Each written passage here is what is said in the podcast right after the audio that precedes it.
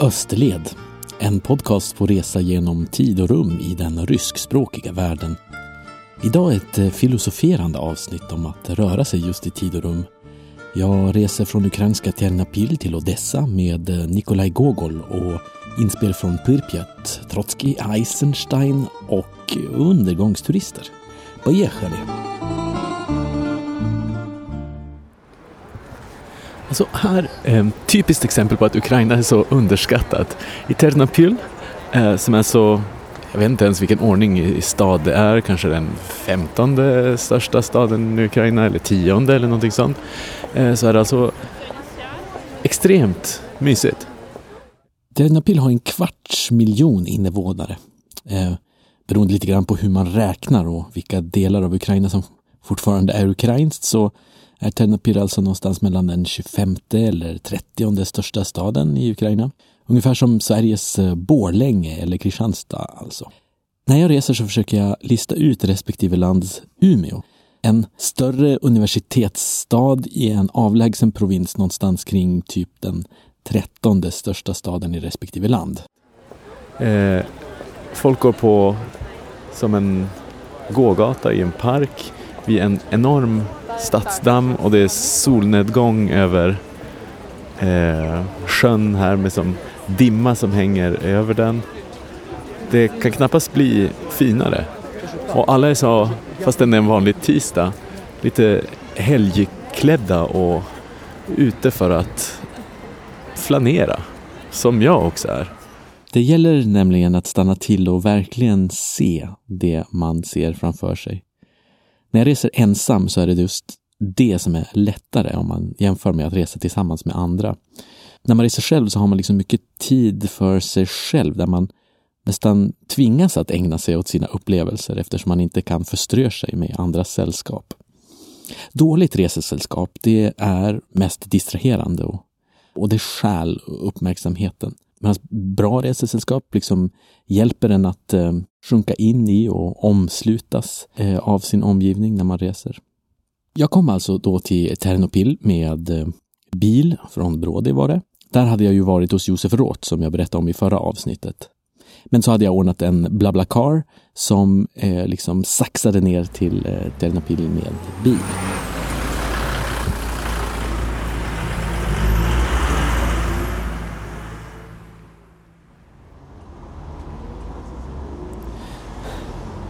Alltså, den här staden har ju den logistiska fördelen att den ligger precis på tåglinjen från Lviv till södra Ukraina. Eh, till skillnad från Brody där jag just kom ifrån som ligger mer på linjen österut från Lviv till Kiev. Så då måste man eh, ehm, färdas genom på diagonalen liksom tillbaka ner mot Ternopil. Jag har åkt bil längs eh, hypotenusan i en logistisk triangel. Efter att jag kommit fram så gick jag runt och söp in staden. Längs eh, huvudgatan så hängde det ukrainska partisanernas nationalistiska flaggor, de här i rött och svart istället för Ukrainas gult och blått. Här är man ju visserligen långt bort från Ukrainas krig i, i Donbass i östra Ukraina, men det är ändå närvarande här. Delvis kanske genom en, en starkare ukrainsk nationalism här än på annat håll. Ternopil är för stort för att vara Ukrainas Umeå däremot. Ukrainas Umeå vore kanske eh, Vinnytsa i, i, närheten här, den universitetsstad på uppgång i en avlägsen provins. I Nederländerna så kanske Umeå är Nijmegen. Lärdomen med det här att försöka hitta respektive lands Umeå är ju att när man gör det så upptäcker man att det är ställen som man knappast har hört talas om eller aldrig ägnat en tanke. De har säkert aldrig tänkt på mig heller. Det är en banal sanning som behöver lite eftertanke för att det ska sjunka in riktigt. Världen är ju så stor, så stor och de flesta lever utan att man tänker på dem och de, de flesta tänker ju inte på... I Umeå så kan man leva och dö utan att det aldrig riktigt märks. Det har liksom alltid stört mig. Och skälet till att det alltid har stört mig är att jag har, eller jag vill ha i alla fall, världen för blicken. Jag vill ha världen för blicken och det är ett perspektiv, eller en, det är en attityd, ett slags meditation.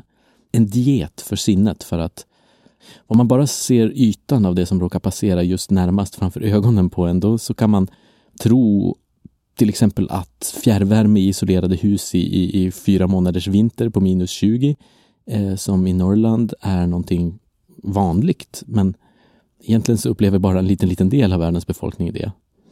Att resa och hela tiden se nya saker gör att man får möjligheten att smita in i det som man upplever på resa och därifrån liksom snegla tillbaka mot sitt ursprung från en ny synvinkel. Jag tror att det är det som jag gör när jag försöker lista ut vilket respektive lands motsvarande Umeå är när jag reser.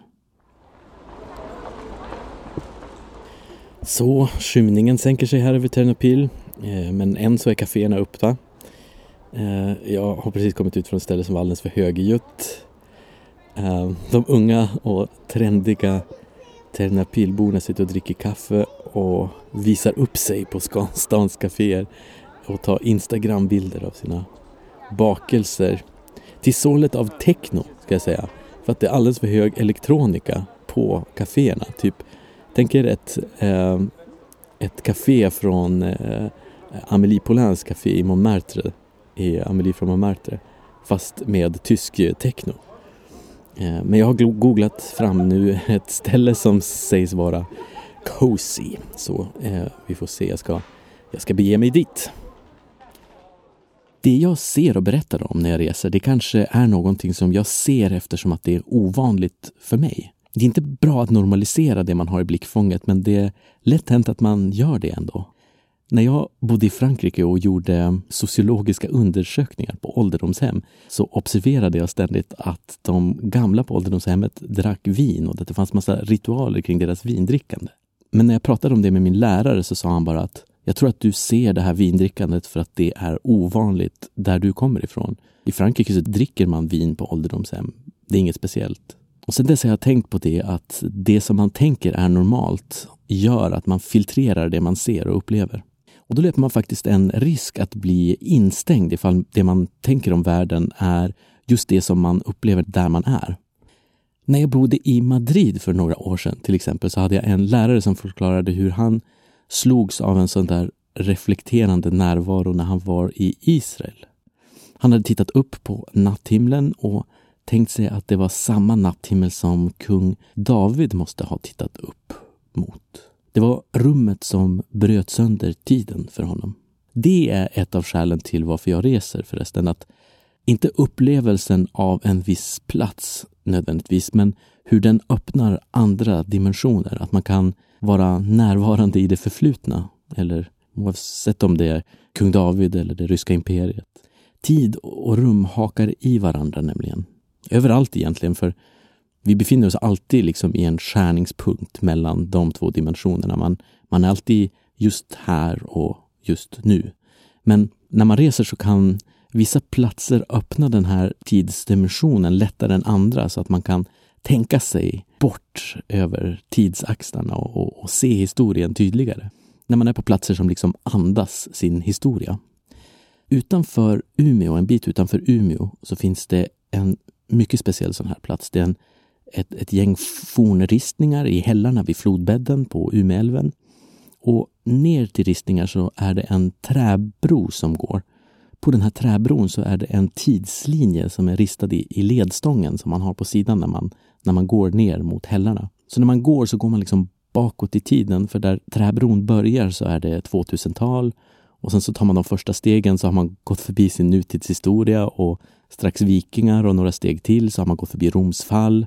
Och sen går man ner mot flodfåran och ser den i slutet långt där nere på gångbron och där ligger hällristningarna. Och då får man en känsla för hur långt tillbaka det egentligen var som de här ristningarna gjordes. Man känner avståndet i tid genom stegen man tar. Det är en fantastisk plats.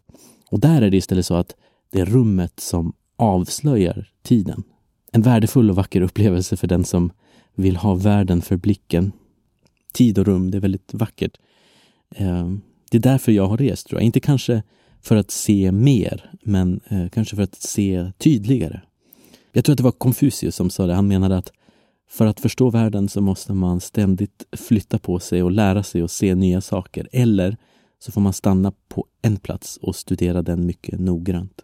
De som inte observerar och reflekterar det de upplever och ser, de är sömngångare. De upplever inte verkligen stunden, men intresserar sig heller inte verkligen för det som ligger utanför den här osannolika, egentligen, skärningspunkten mellan tid och rum där de råkar existera och uppleva någonting just nu.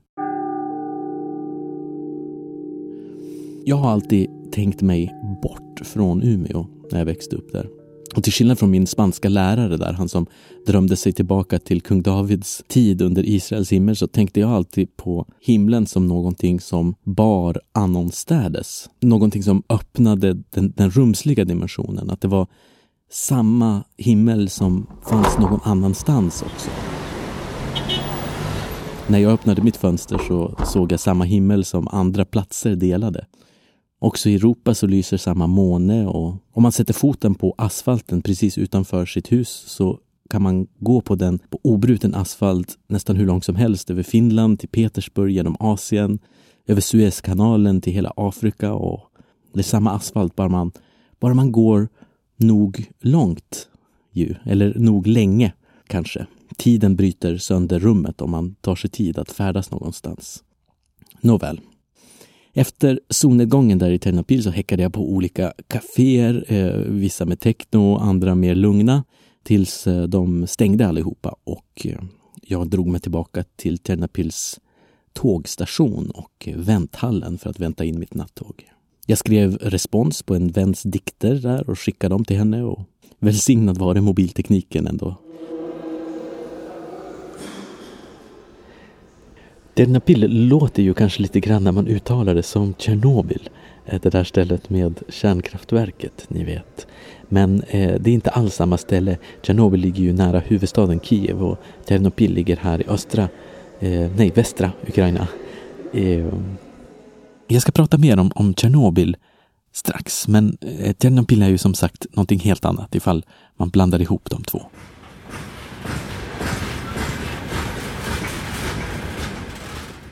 Tåget kom förbi först efter midnatt och då satt jag och läste noveller av Gogol. Och där har vi någonting som verkligen har en fantastisk kvalitet i tid och rum. Inte just eh, Gogol i sig, kanske han ibland lite tafatt, men texten som sådan. Texten bryter verkligen sönder både tid och rum. Man kan färdas till vilka tider som helst eller göra vad som helst. Och från våra rullstolar till och med så kan vi bestiga Erik och Rödes vikingaskepp eller eh, stämpla metrobiljetter i modernisternas Paris eller eh, försvara, försvara det belägrade Malta mot sultanen eller sitta och supa med Struve och Olle Montanus. Det är som genom att ha sett sådana här andra skärningspunkter i tid och rum där andras upplevelser har begett sig. Genom dem så kan en läsare stå bättre redo att verkligen se världen själv. Så, jag bordade alltså ett nattåg. I Ukraina så är det lite skralt med tredjeklassbiljetter, eh, med öppna vagnar som man har i Ryssland. Så istället så åkte jag i andra klass. Eh, lite ny upplevelse för jag brukar alltid åka i tredje klass. Jag hade överslafen i en kupé med fyra bäddar och delade med två kvinnor och en unge som redan låg och sov när eh, tåget hämtade upp mig i Ternopil. Det tar en hel natt att komma från nordvästra Ukraina ner till Svarta havet så man vaknar där eh, nästa morgon. Men redan någon timme innan man kommer fram så ställer man om i sovvagnen och bäddar av och eh, gör så att det blir stolar av sängarna istället så att man kan ta sitt morgonte. Вы приехали из Львова, вы? Да. Да. Вы путешествовать? Да. Да. Да. I den ryskspråkiga världen så är isen alltid tunn att bryta. Eh, lätt lär man känna folk. Och det här med att vara asocial, ifall man skulle vilja vara det, det är helt enkelt onormalt. Grundtrevligheten i, i Ukraina och Ryssland överlag är alltså stor. De här två, de reste från Lviv och jag berättade om min resa i Lviv och att jag hade varit till Brody och om mina tidigare resor i Ukraina.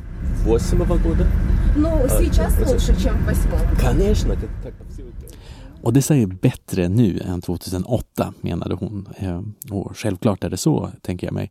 Eh, jag drar mig förresten till minnes en kommentar av Trotskij om Odessa som ju var eh, en av det ryska imperiets verkliga världsstäder. Och hur eh, Trotskij tyckte att Paris var när han blev frågad om Paris. Och han sa att jo, Paris är bra, det är som Odessa, fast Odessa är bättre. En verklig ukrainsk åsikt. Trotskij var ju ukrainare. Ord och inga visor. Odessa var en bubblande kulturell världsmetropol på den tiden. Eh, både en handelsplats och en kulturhuvudstad. Och nu kommer jag alltså tillbaka till Odessa efter ganska precis tio år. Och när man landar i Odessa efter nattåget så möts man av opera i eh, högtalarna. Det, hörde, det hördes alldeles nyss, det var verkligen opera just nyss i högtalarna men nu är den, nu är den borta. Eh, nåväl. Nu går jag i morgonljuset mot den stora stationsbyggnaden. Odessa ligger alltså vid Svarta havets kust i södra Ukraina. Fortsätter man söderut så börjar Donaudeltat och de städer som fordom var en del av det turkiska ottomanska riket på vägen längs Svarta havsstränderna mot eh, rumänska gränsen. Själva Odessa idag är fortfarande en modern hamnstad. Dessa är viktigare för Ukraina nu kanske än när man har förlorat sin Frepa som ligger på Krim som, som ju också ligger just söder om Odessa. Det finns ändå nu en nyrik aura i Odessa ska jag säga, men innerstan eller Gamla stan med sina rutnät och skuggiga alléer och stora platanträd eh, andas ändå verkligen av en, en svunnen tid. Då Odessa stod på topp verkligen för drygt hundra år sedan. Den här lummiga stämningen i Gamla stan är samma som när jag var här förut men det kanske är en del hus som är lite bättre renoverade än när jag var här sist. Då minns jag att det var ett del förfallet och nu är det mycket som är nyteglat ändå. Och det här bageriets skyltfönster ser helt strålande ut så hit ska jag in och konsumera. Det är någonting med hur jag tänker på förfall på ett romantiskt sätt som inte är riktigt okej okay, tror jag. Jag är ju turist och jag gillar hur historiens vindslag liksom slår i de vittrande husfasaderna för det får mig att kunna drömma mig tillbaka till svunna tider. Det är någonting som jag tycker om. De som själva bor i husen däremot, de tror jag säkert skulle önska sig att det fanns bra avlopp och elinstallationer och isolering kanske och att de lite vittrande fasaderna i Odessa hade lite mer modernitet och lite, lite mindre av historiens vingslag. Liksom. Kanske tittar de avundsjuk på de här nya höghusen mittemot där de har byggt 2020-talets fräschaste badrum. De kanske längtar efter fräscha badrum men jag tycker instinktivt att det är lite förstörande med de där skyskraporna. Det är flådigt och rikt men det förstör ändå, tycker jag.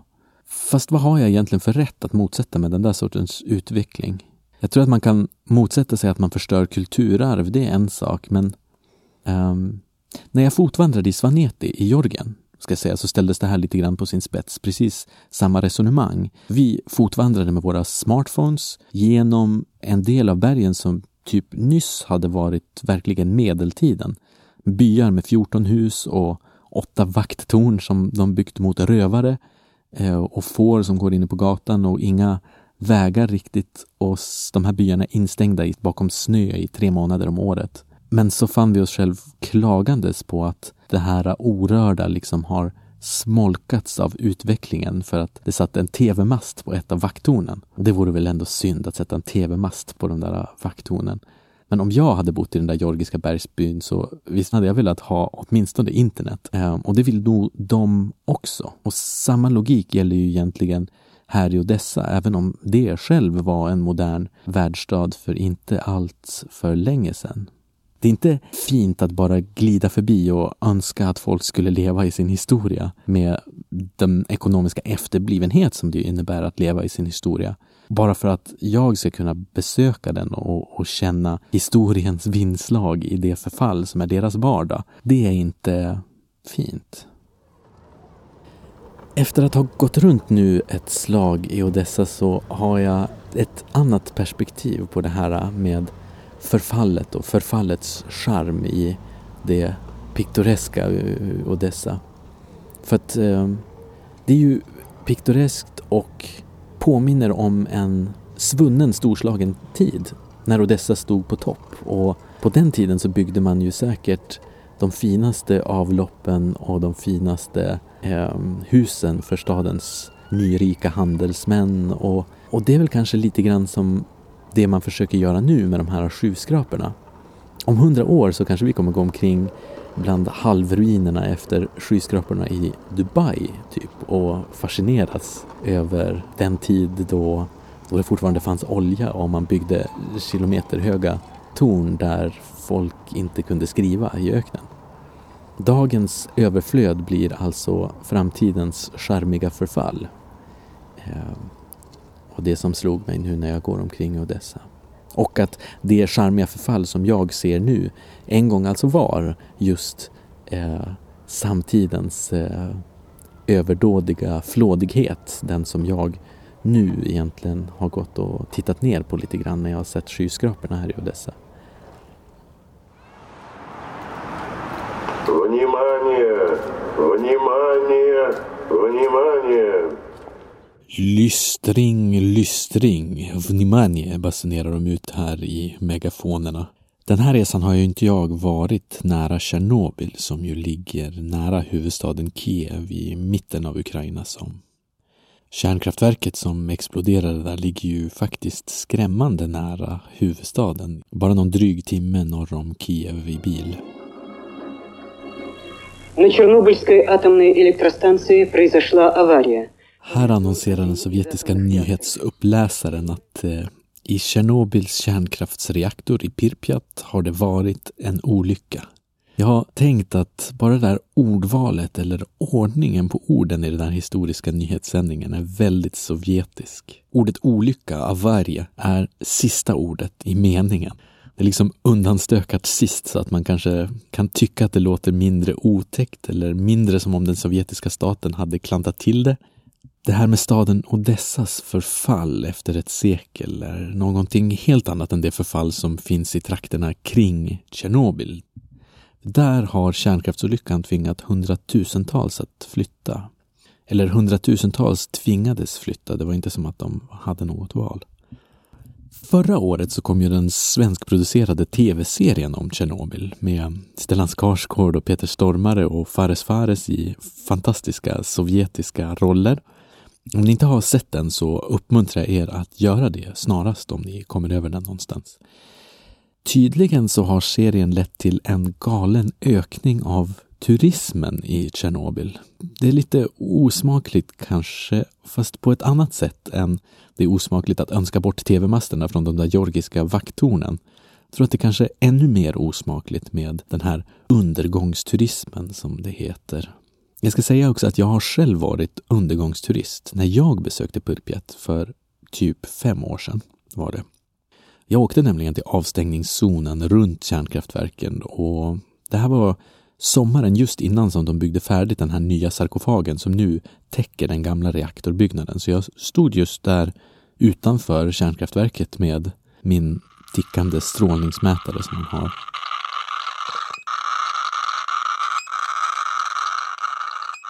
Och, och jag, är, jag är kluven inför sånt där. Förbi oss då gick arbetarna som byggde den här nya sarkofagen som nu är på plats. Tjernobyl är en jättelik arbetsplats. Var det då har varit i årtionden och kommer fortsätta att vara det i, i årtionden.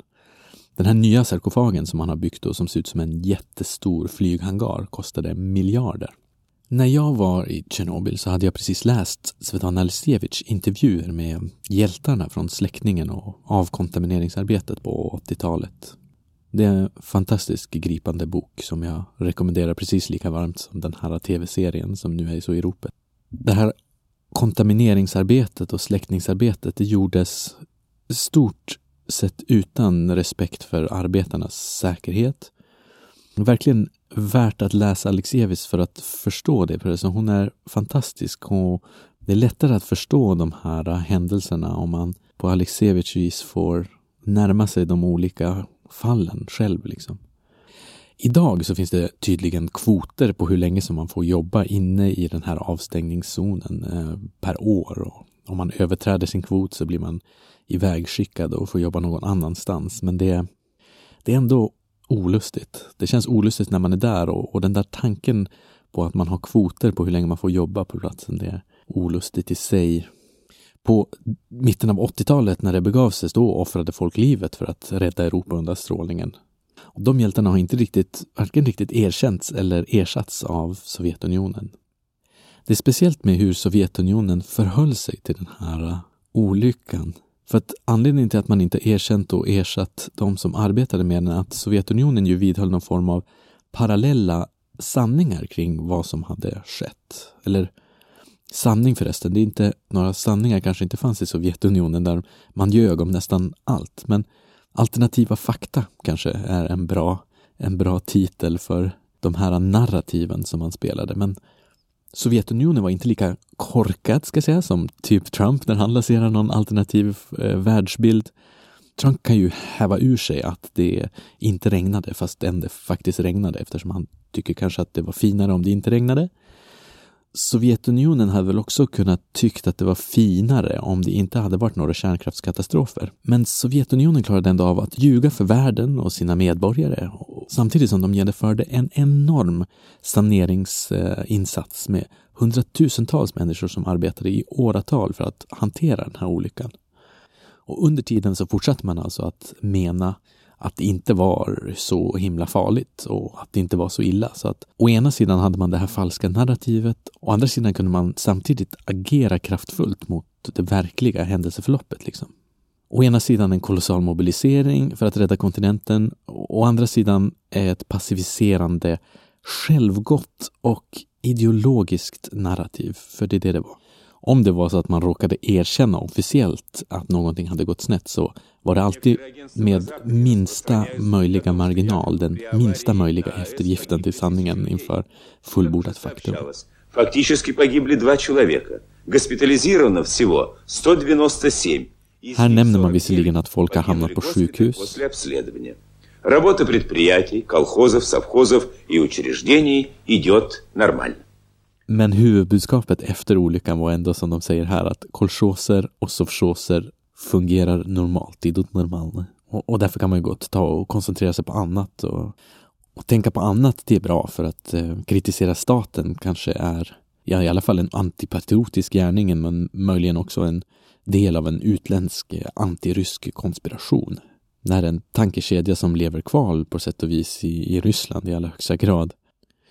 När jag pratade kort med dem som jobbar i den här nya sarkofagen med att bygga den nya skyddsklädnaden för reaktorn som exploderade så var de som jobbade med det glada och glada att hälsa på mig, glada att hälsa på turisterna för oftast, sa de, så var det mest så att turisterna stod där och fotade dem.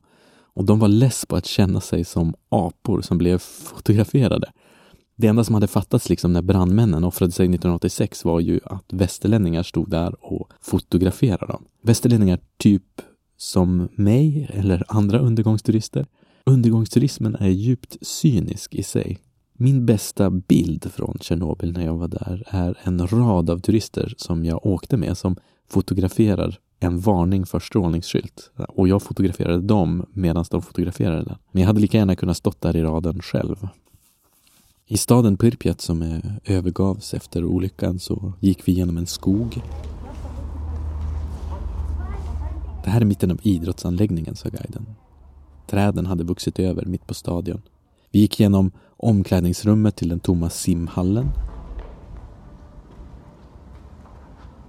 Här badade man. Vår civilisation vilar fortfarande på kärnkraftssäkerhetens nåder. Jag besökte övergivna hem i Pirpjat, gick upp på taket till de övergivna husen med björksly i lobbyn. Genom årtionden så har folk plundrat och roffat åt sig folks ägodelar och saker av värde och metallföremål och, och sålt dem. Jag fotograferade reaktorn från hustaken. Det var dubbelt olustigt. Undergångsturismen är ändå vad den är. Jag tycker inte att det är alltigenom illa att man besöker Tjernobyl. Det är bara det att man ska göra det med värdighet och att undergångsturismen blir meningsfull. I princip så är det bra att fler kommer till en viktig plats nu när den här serien har återaktualiserat att vi höll på att förstöra vår kontinent egentligen för drygt 30 år sedan. I en trappavsats in i den där övergivna stan så slog geigermätaren helt slag. Det var regnet tydligen som hade fört partiklar från reaktorn från taken ner vid ena sidan av trappan och nu låg det någon sån där partikel millimeter tunn nedgrävd eller i jorden och det var den som strålade. Skulle man gräva upp den där lilla partikeln och svälja den så vore man rökt. Jag var mycket berörd av min dag i Tjernobyl. Det kändes som att det var en plats där civilisationen liksom gått fel. Och sen är det en plats där man omges av döden, känns det som. Smygande och osynlig och obemärkt som strålningen ju är. Det, det är bara det att det är tomt och dött där. Och jag är i princip för kärnkraft egentligen, skulle jag säga. Till exempel. Eller, jag vet inte riktigt. Jag tror inte jag vet. Jag tror inte jag är det längre faktiskt. För att det må vara ovärdigt att besöka Tjernobyl på ett ytligt sätt. Det är en plats som andas så mycket av det lidande som har eminerat därifrån och som liksom kräver besökarens respekt. Och inte alls sensationalistiska Instagrambilder eller selfies framför reaktorn utan att man kan känna eller komma närmare vad som hände där eller vad som nästan hände där. Det är kanske är en plats där man kan känna både det förflutna och framtiden. Och på sig själv känner man andra, heter det ju. Jag tror att så länge som vi är en art som tar selfies framför Tjernobyls kärnkraftreaktor så är vi kanske inte en art som borde betros med sådana enormheter som atomkraften ju är. 419 что-то я платил. Думаю. Ja. Väl i Odessa så lyckades jag i alla fall checka in på ett vandrarhem på eftermiddagen efter det att jag hade ankommit. Fast en eh, olika receptionister ville ge mig olika växel eh, flera gånger. Det var lite eh, krångel. Det var fina rum på vandrarhemmet. Mycket i Ukrainas turistinfrastruktur är ju fräscht och nyrenoverat och i allrummet där på vandrarhemmet så fanns det en geotahhylla med böcker. Можно? Спасибо. Och det gick för sig. Man fick ta för sig av böckerna och jag hittade där just Gogol, fast på ryska. Jag har ju förklarat tidigare att min ryska är ganska sunkig och framförallt så har jag inte vokabulär nog att lyckas läsa böcker på ryska. Men i den här Gogolboken så hittade jag ändå Kappan som är en av Gogols viktigaste noveller. jag har ju nämligen med mig Kappan i svensk översättning i min bok. Så plötsligt kunde jag läsa meningarna mening för mening liksom och ändå jämföra och förstå. Så det var ju perfekt. Jag eh, tog med mig båda böckerna ut och så letade jag mig fram till en georgisk restaurang igen. Det här blir ju tredje gången gilt på en georgisk restaurang nu i Ukraina. Jag eh, känner att jag borde kanske äta mer ukrainskt käk när jag ändå är här, men jag kan inte hålla mig. Eh, hemma i Bryssel så finns det inte direkt jättemycket georgiska restauranger så jag känner att jag måste passa på.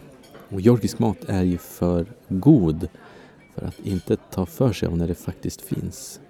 Och hemma så bor jag ju faktiskt också med en ukrainska eh, som jag känner mig som att jag verkligen behöver något ehm, typ rödbetssoppa eller råbacon att tugga i mig eller något sånt så kan jag ju alltid be henne att laga någonting åt mig.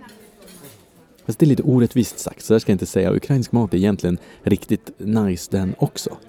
Ukrainare käkar små piroger, pirogi, med olika smaskens fyllningar kan de ha svamp i eller körsbär. Ehm, det finns både liksom söta och salta. All ukrainsk mat är liksom lantlig och eh, god. Eh, ganska stabbigt. Vad har de mer? De har som någon slags ukrainska kåldolmar. Eh, Holubtsi, vad heter de? Holubtsi tror jag. Holubtsi heter de. Ukrainska kåldolmar. Det finns massa häftiga rätter i det ukrainska köket. Chaladets, mitt ukrainska uttal är kanske inte på topp. Det är en konceptmat som går ut på att överkoka kött och ben tillsammans och göra geléer av dem. Aladåb heter det visst på svenska. Det påminner mest om Whiskas kattmat med oxkött till smak, doft och eh, konsistens. Helt enkelt ganska äckligt. Jag rekommenderar inte det.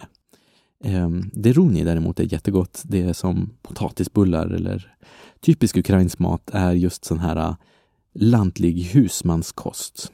Det är mycket med det ukrainska som är lite lantligt med ryska ögon sett. Eh, det vanligaste familjenamnet i Ukraina heter förresten Melnik som betyder typ mjölnare eller eh, kvarnföreståndare eller något sånt där. Mm, Melnitsa är väderkvarn på ryska.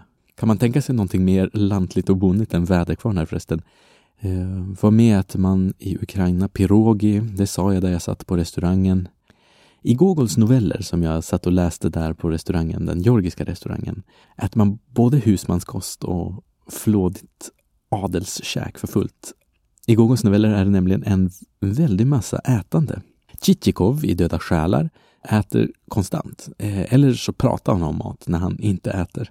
Kanske för att Gogol var en dålig författare och skrev ner lite sin egen hunger. Ehm, eller så är det ett genialt stilgrepp där han använder mat och matiga metaforer liksom för att beskriva sina karaktärer genom, genom smak som sinne. De har eh, plommonnäsor och, och bullsöta kinder till exempel. Eh, fast jag lämnar den där analysen åt verkliga litteraturvetare att analysera djupare.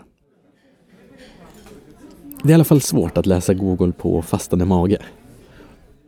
Gogol, som ju skrev novellen Kappan, skrev aldrig på ukrainska, alltså det ukrainska språket, men han är en alltigenom ukrainsk författare på flera sätt faktiskt. Dels så var han ju härifrån Ukraina och dels så skrev han om Ukraina och om den ukrainska landsbygden. Men inte uteslutande. Det finns eh, en del av hans eh, noveller som kallas Petersburgsnovellerna och eh, en annan som är Ukraina-novellerna. Jag har läst Döda själar.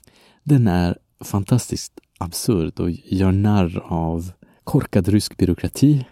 För i den ryska byråkratin på, säger 1800-talets mitt, så kunde den som var lite gatsmart tjäna sig en hacka eh, genom att belåna uppköpta avlidna livegna bönder som godsägarna redan ville bli av med eller bli kvitt av, av skatteskäl. Gogol var nog själv en sån där gatsmart spjuver förresten. Eh, det verkar så om vad hans samtida berättade om honom. Hans karaktärer är alltid beskrivna i ögonblicket. Eh, pur inspiration liksom. Det finns inga riktigt psykologiska djupdykningar. Han observerar ytan, men han, han gör det väldigt bra.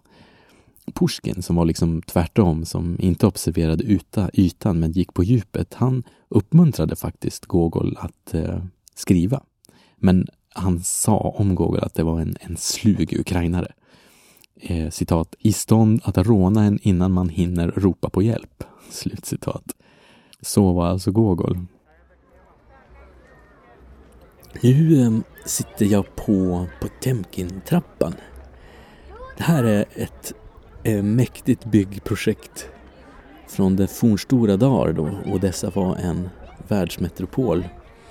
Den är maffigt bred. Jag sitter här som på en eh, avsats i, vid sidan och, och, tittar ner på, på trappan och folk som går omkring här och tar bilder och, och kämpar sig hela vägen ner och upp. Den är ganska, den är ganska lång, det är ganska djupt ner. Jag har läst mig till här på en skylt att man har byggt och byggt om och ändrat i den flera gånger. Platat ut, eh, planat ut stenen och så, och bytt ut stenar.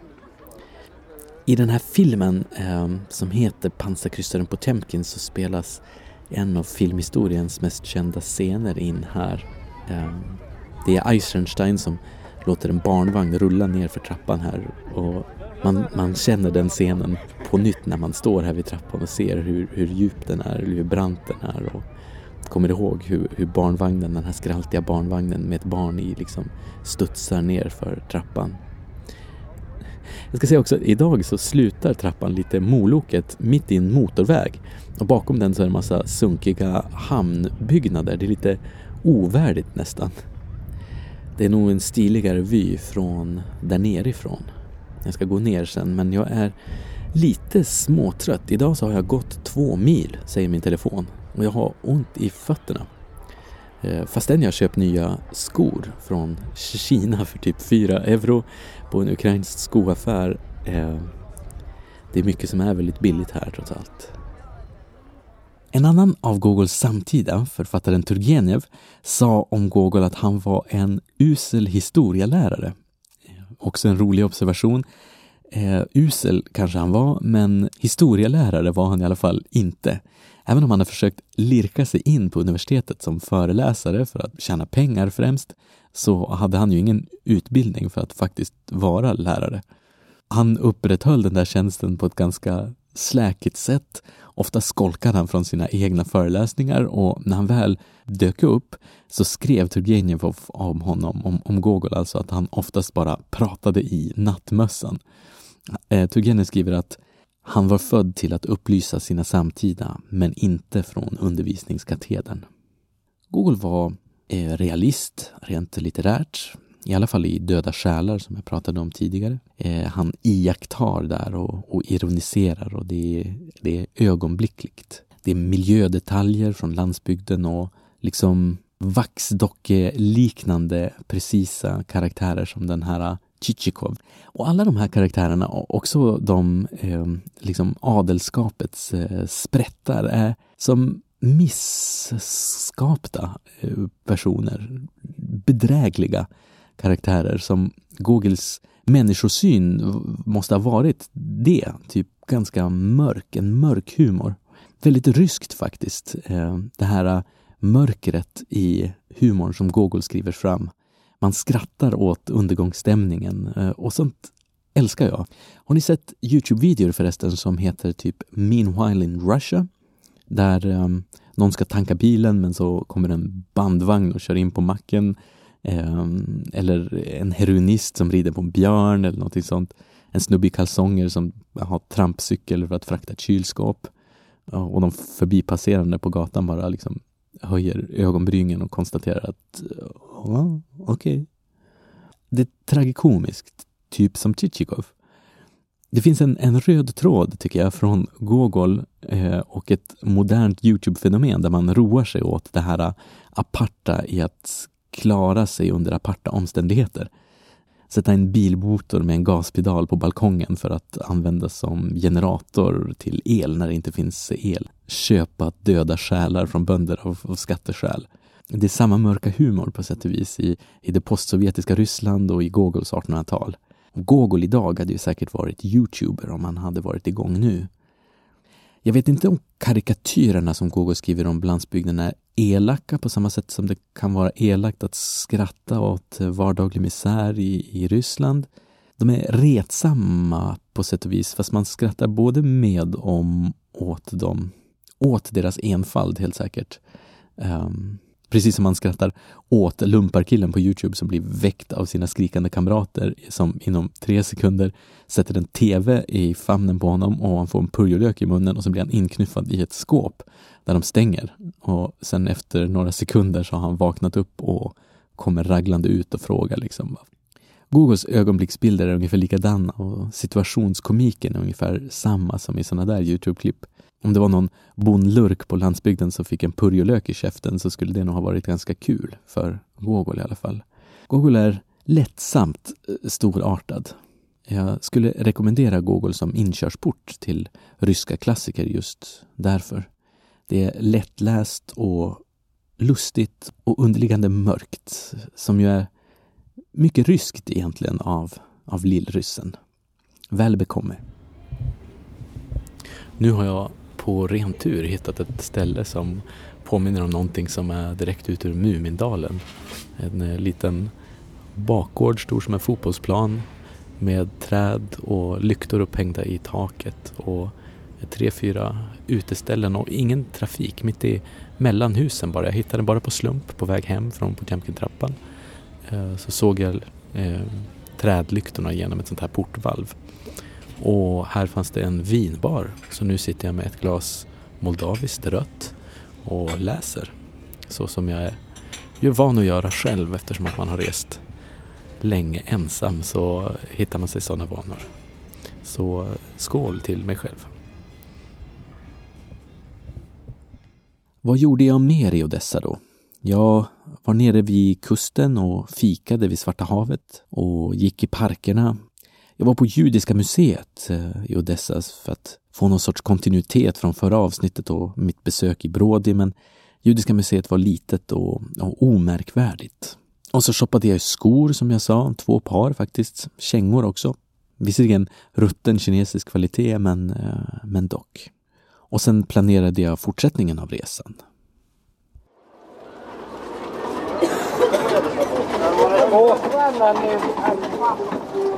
Et voilà, jag har köpt eh, biljetter till Moldavien. Just det. Mot Chisinov Kishinov i eh, morgonbitti i ottan. Jag kommer resa från den här busstationen vid marknaden där det luktar skämda ruttna grönsaker som de slänger på marken. Ganska ofräscht. Men biljetter har jag. Jag förlåter verkligen i efterhand det här att slänga skulor på marken. Eh, sånt händer. Ukraina är som sagt ett ställe med mycket hög mysighetsfaktor och det här var ju min femte visit till Ukraina och det finns fortfarande massor kvar av sed. ett jätteintressant land. Och jag kommer säkert tillbaka en vacker dag.